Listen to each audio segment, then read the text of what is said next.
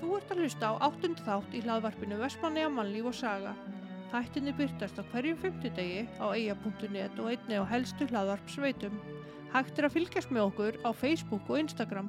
Í dag munum við ræða við Írisi Róbertsdóttur um líf hennar og störf. Íris er fætt 11. janúar 1972.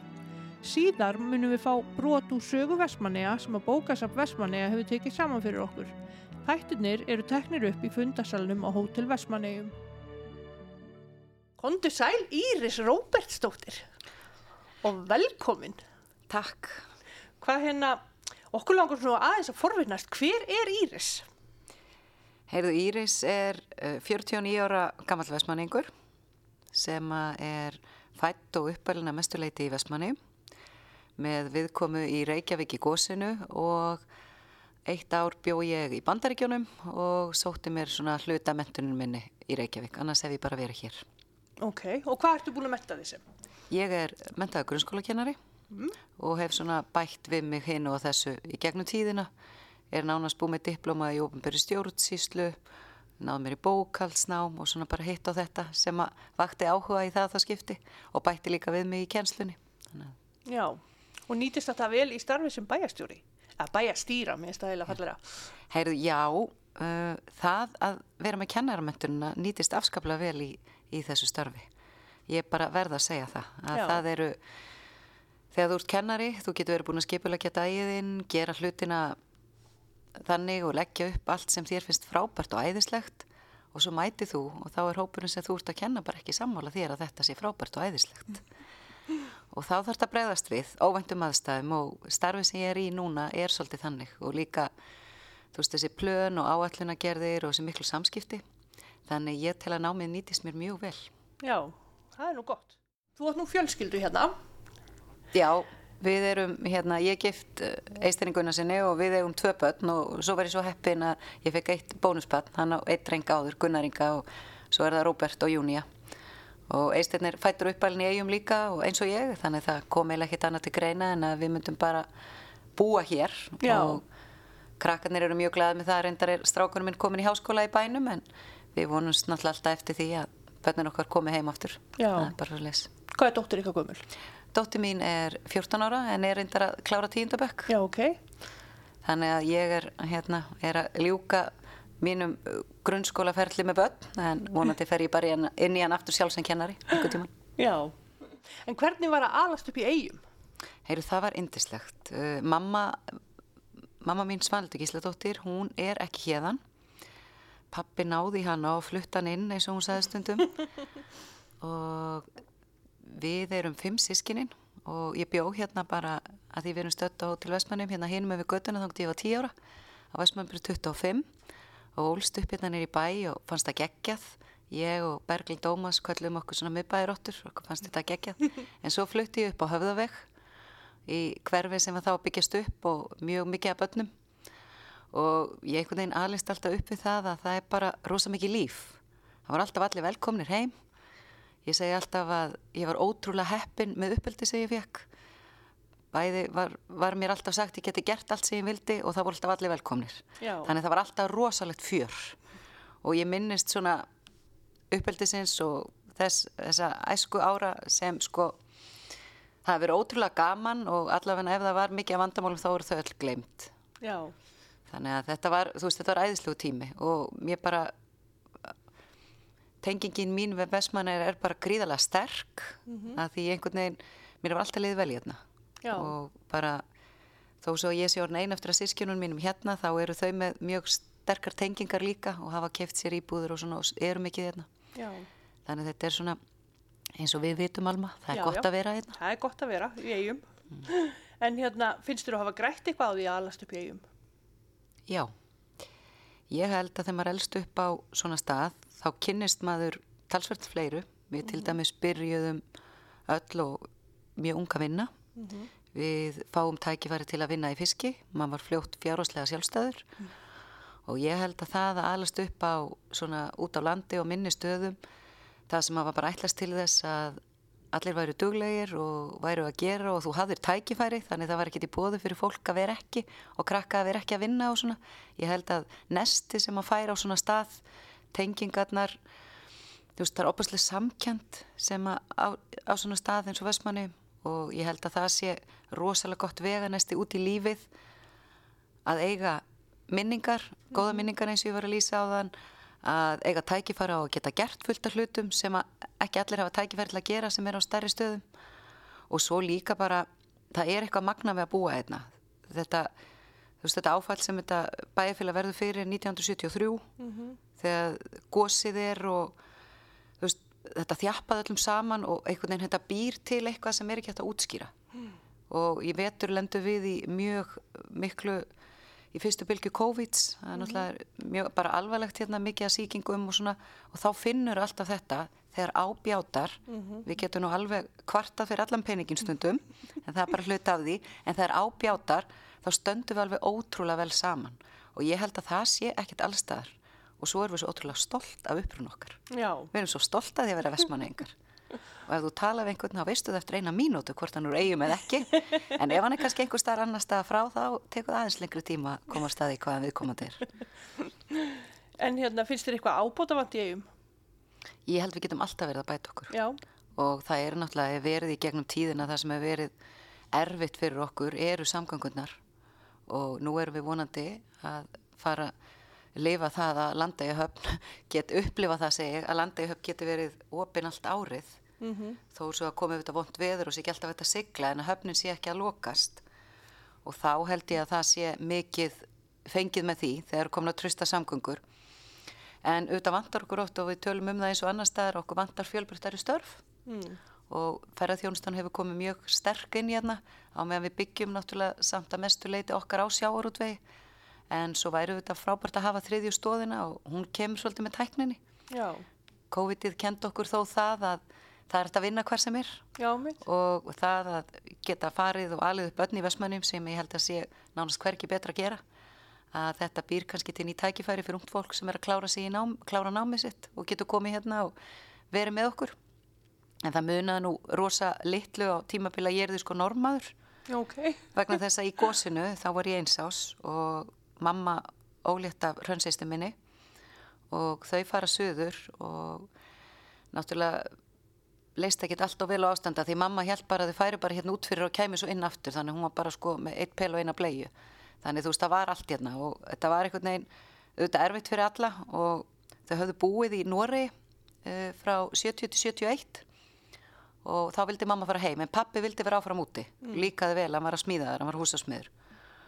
Og staðan var einfallega þannig að pappi var eiginlega búin að samfæra mömmum að þau myndu bara að vera komið gósi í Vestmanni húsi sem við hefðu verið að byggja það var allt allt útsýni farið og allt það það var í Östubænum og þeim bara pappa langaði ekki heim aftur og var eiginlega búin að samfæra mömmu þanga til Magnús sem var bæjastjóri hérna þá mm.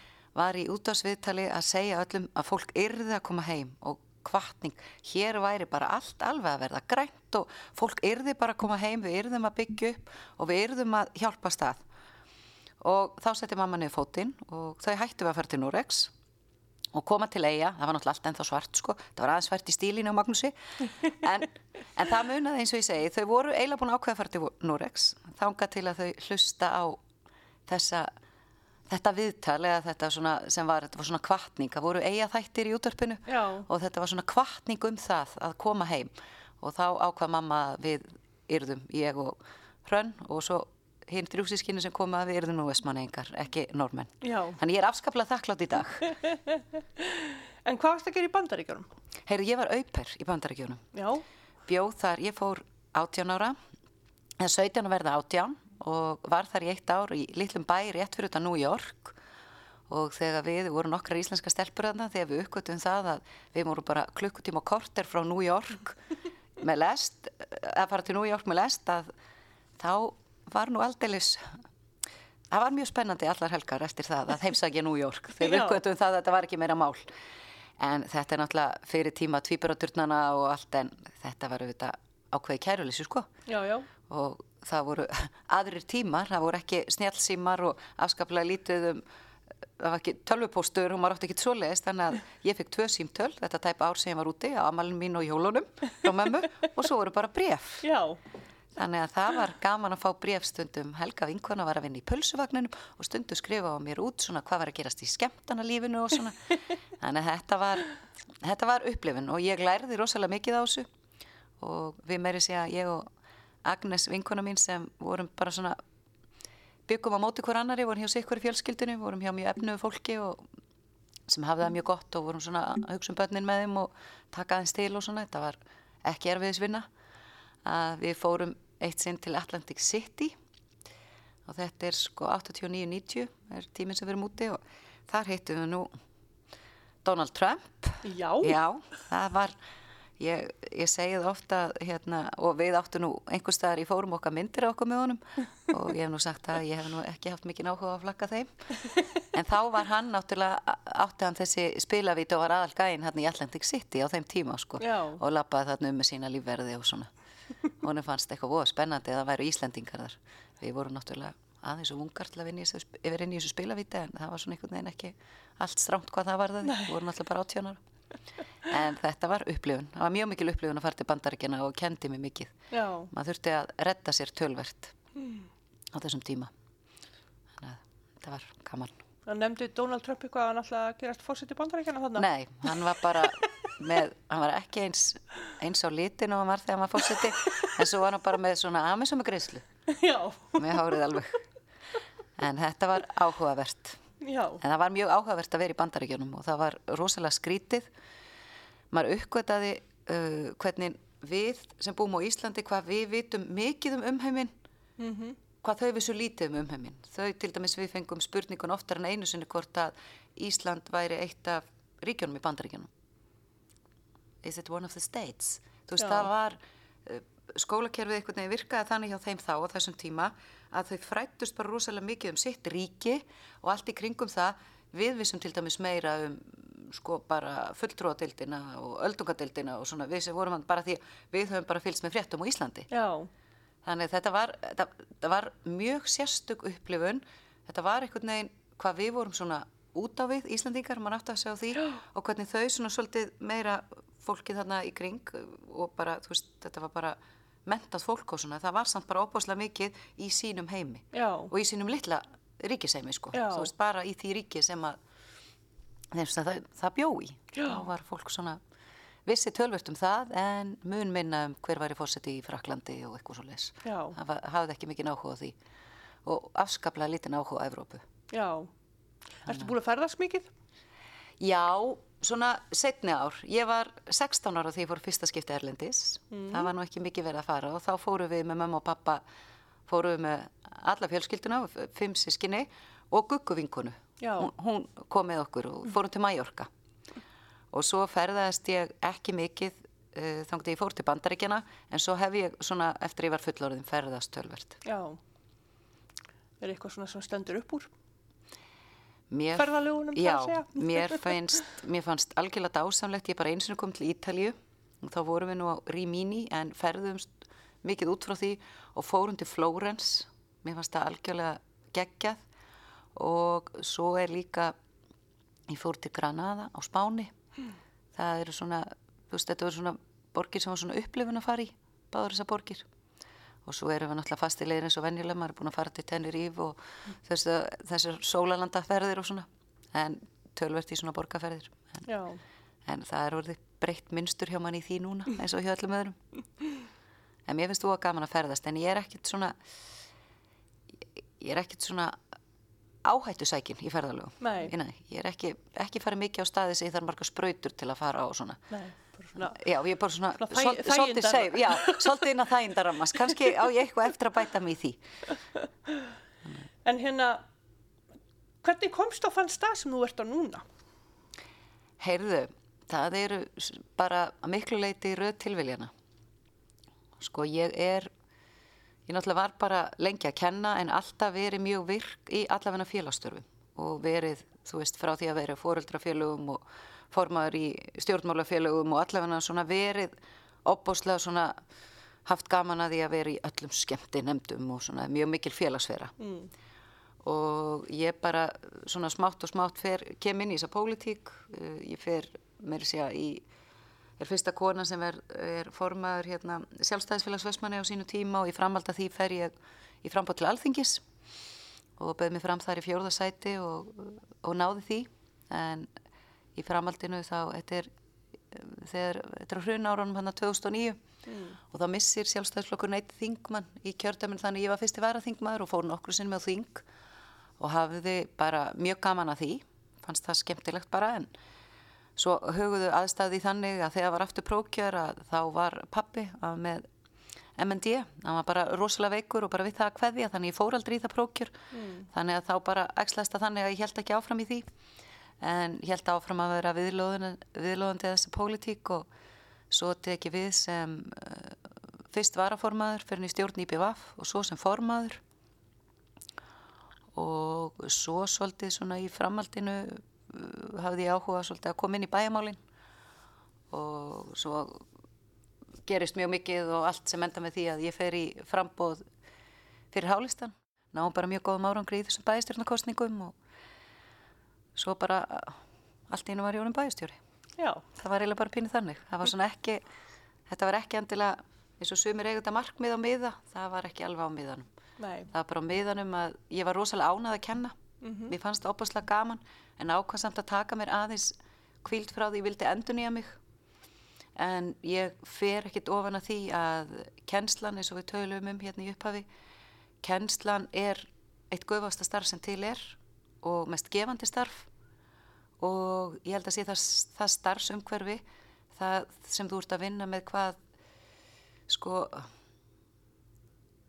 þeir sem þú ert að vinna með sem eru börnin það er ekki til neynir sem eru meira hreinskilin. Já. þau bara tilkynna því það ef þú ert ekki að standa þig þau tilkynna það ef þú ert leiðileg og svona þú veist, þetta er bara þetta er einhvern veginn fullarus umhverfið við segjum stundum svona sem við höldum kannski bara passi. Já, já. Það, börnin er ekkert að flokka. Nei. þau bara segja, heyrðu, þú varst mjög leiðileg í dag. Já. eða þú varst æðisleg. Þannig þú veist, þetta það sem færð svona þetta, við sletta hans þetta feedback sem færð í kennslunni er alveg einstakt. Já.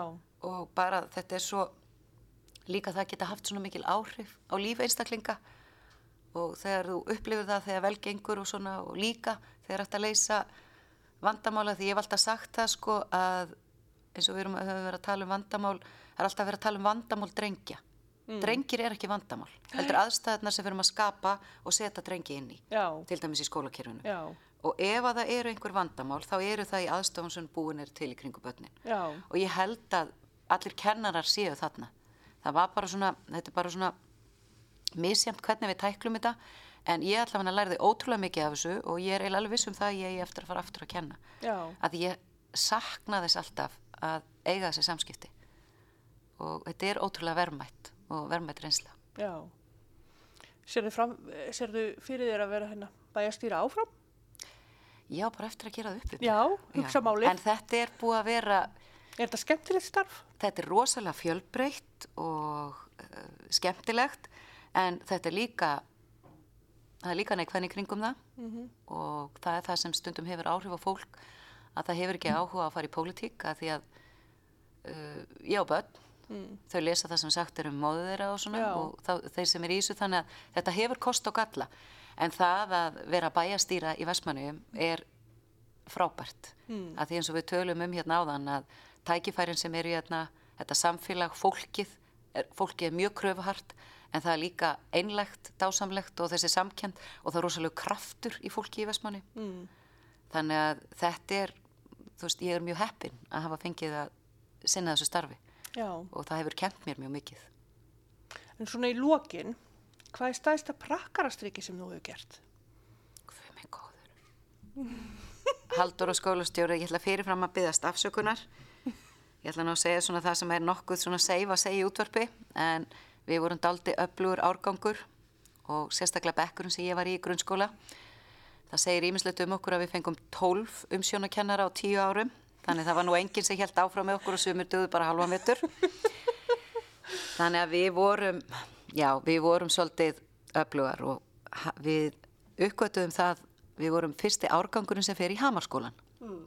og það var árgangur 72 og árgangur 71 og við uppgötum það einu sinni þegar Gunnar Húsvörður sem var algjörlega dásamlegur kemur inn og segir okkur þið passi ykkur það ég held að það sé einhver músagangur hérna. Kemur inn og allt er leið með það, svo kemur Halldóra. Og kemur þá ekki um leið og Halldóra skólastjóri kemur inn þá trítla lítir mús eftir skólastofunni. Og Halldóra algjörlega trillist, var greinlega mjög hrætt okkur fannst þetta óþægilegt líka. Og tekur ruslatunnu, kvolfurinn og stekkur upp á hana og við náttúrulega hlóum og hlóum og svo kemur Gunnar og bjargar þessu. Svo tveimur ánum setna þá finnum við dauða mús inn í smíðastofu sem þá vorum við komið niður. Já, þá búið að byggja það við. Og við náttúrulega sáum okkur leika borði. Að því Haldur að kenda okkur ensku þáttur hún væri skólastýra og kendi hún ensku í árgangnum. Hún kom alltaf inn reif svona upp skúfuna á kennaraborðinu og skellti hendinu honni og náði í klattan já, hún gerði þetta alltaf eins, leit aldrei hún í skúfuna horfði alltaf á okkur til að halda aga. Það veitti nú ekki af. Og svo leggur hún alltaf hendina beint ofan á músina rýfur henni upp, all, upp og hendur upp í loft og náttúrulega algjörlega trillist úr hæðslu greið og fer fram og við náttúrulega situm og hlæjum og hlæjum. Og það getur ímynd þær, þetta vakti ekki lukku. Svo kemur hún inn og auðvitað kendi hún drengjónum um þetta. Já. og sjálfsögðu við kendu við þetta ekki og þessar elskur, strákarnir í bekknum þeir tókut á sig eins og mörg hérna prakkarastrykkin okkar. En þetta var, og við töluðum stundum um þetta og hérna hlóum að þessu en hún var bara, og þetta var náttúrulega mjög ljótt hún var mjög hrætt og við vissum það. Já, já, og þetta var náttúrulega gert til þess að við þyrftum kannski bara vera í hálfu mennsku tíma það var svona ímislegt en við gerðum ímislegt á okkur í, í grunnskólanum og það er ekkert allt sem hægt er að segja í útvarpi. Þú ert í stóru vinnahóp, já, áttu hérna góðar vinkonur. Er mjög. Og hérna þið klæðið ykkur stundum í búninga á þjóðatíðinni. já, Hérna, hvað er svona eftirminnilegustu búningarnir sem þið hafi verið í? eftirminnilegasta er þegar við ákvaðum 2010 þegar voru, voru ekki 40 ár. Eða 30 frá veitir sig, hvernig var hún? 80 Já. Á 2010 þá fögnuðu við því, þeim tímamótum með því að sauma okkur. Og erum við nú misfærar í því að sauma, fengum aðstóð að saumum við okkur kjóla alveg svo hún var í þegar hún var sett í embætti. Já, og það var sko það var rosa upplifun. Og við vorum með borðana og gerðum allt og vorum með hárkollur og svona. En sko 2010 er ég náttúrulega og við að verða fertugar sko. Og náttúrulega alla konum með börn og svona þetta vekur ekki alltaf mikla lukku hjá börnunum og eiginmannunum spurðu hvenar við ætluðum eiginlega að hætta þessu? Við vorum sko höfum haft þetta svolítið öðruvísin að við höfum yfirlt haft þetta sem hefð á sunnudögum. Já, að koma eftir miðnótt á sunnudögum og vera þá búin að græja okkur einhverja búninga. Og við, við höfum nú ekkert verið rosalega duglegar síðustu ár en við erum alltaf með eitthvað. Já, það er alltaf það er algjörlega nöðsynlegt að vera vel, vel byrður að glimmeri og svona fyrir þessa hátíð þannig ef það er ekki búningur þá er allavega nóga glimmeri já. En núna þar sem að þjóðatíðin var ekki í ár, já, síðast ár, það er náttúrulega komið nýtt ár, að hérna hafið planað eitthvað svona alveg brjálega búning fyrir þetta ár.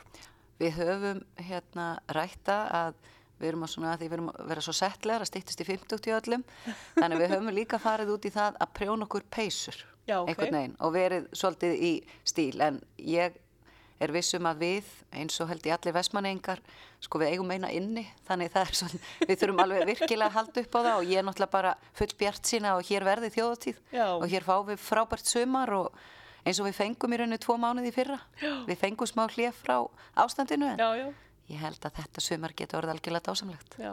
Heldur að þjóðatíðin verið lengdum kannski 2-3 daga? ég, alveg, ég er alveg Til viss um það? ef það, fólk getur spurt þá væri það alveg til í það sko. Ég veit nú ekki hvern, hvernig það fer með okkur eldri borgarna og þjóðtíð að taka fymta hátíð. En ég hlakka bara mikið til að því að maður fann bara að það vantaði talsvert þegar hátíðin var ekki. Já, þegar maður er svona háður þessu og búin að vera þáttakandi í þessu í áratví já. Skulum bara láta þetta verða að loka orðunum í dag og bara takk kærlega fyrir að koma Íris og bara gangi er sem best í framtíðinni. Heyrðu, takk kærlega fyrir að bjóða mér og gangi ykkur vel með þetta Já, takk kærlega. Nú mun Snorri Rúnarsson lesa stuttar sögur úr bókinni Sögur og sagnir úr Vestmannegjum sem að kom út á árunum 1938 til 1939. Það var Jóhann Gunnar Ólafsson sem fættist 19. november 1902 og lést 1. september 1979 sem sapnaði saman sögum og sögnum þessum. Þetta er sögubrót í bóði bókasaps Vestmanneja. Hægt er að afla sér nánari upplýsinga um Jóhann Gunnar á heimasló.is.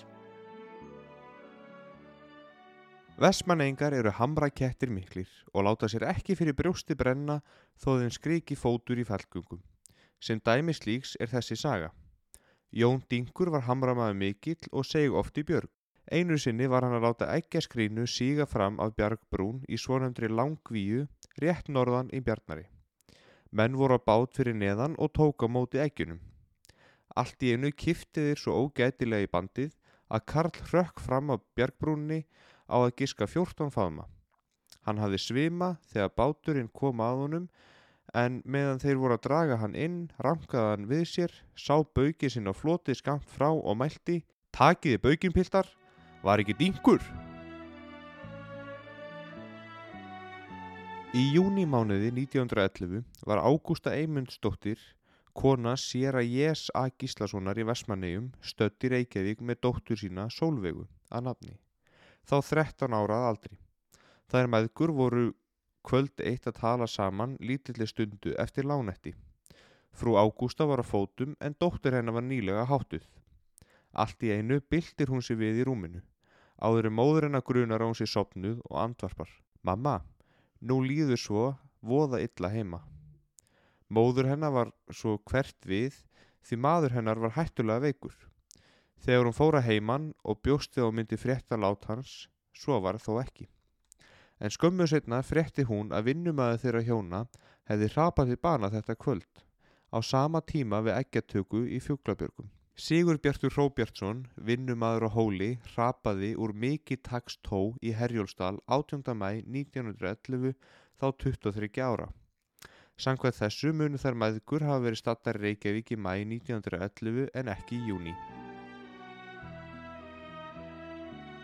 Skamt fyrir ofan bæin í Vesmanum er steitt nokkur, tvær til þrjár stikur á hæð. Um hann er sögt svo sem hér fer á eftir. Þegar Tyrki rændu síðast í eigunum fundu þeir við steinin konu sem hafði alið barn. Annar vildi drepa hana en hinn skar laf að skikju sinni og gaf henni til að sveipa barnið í og bjargaði hann bæði konunni og barninu.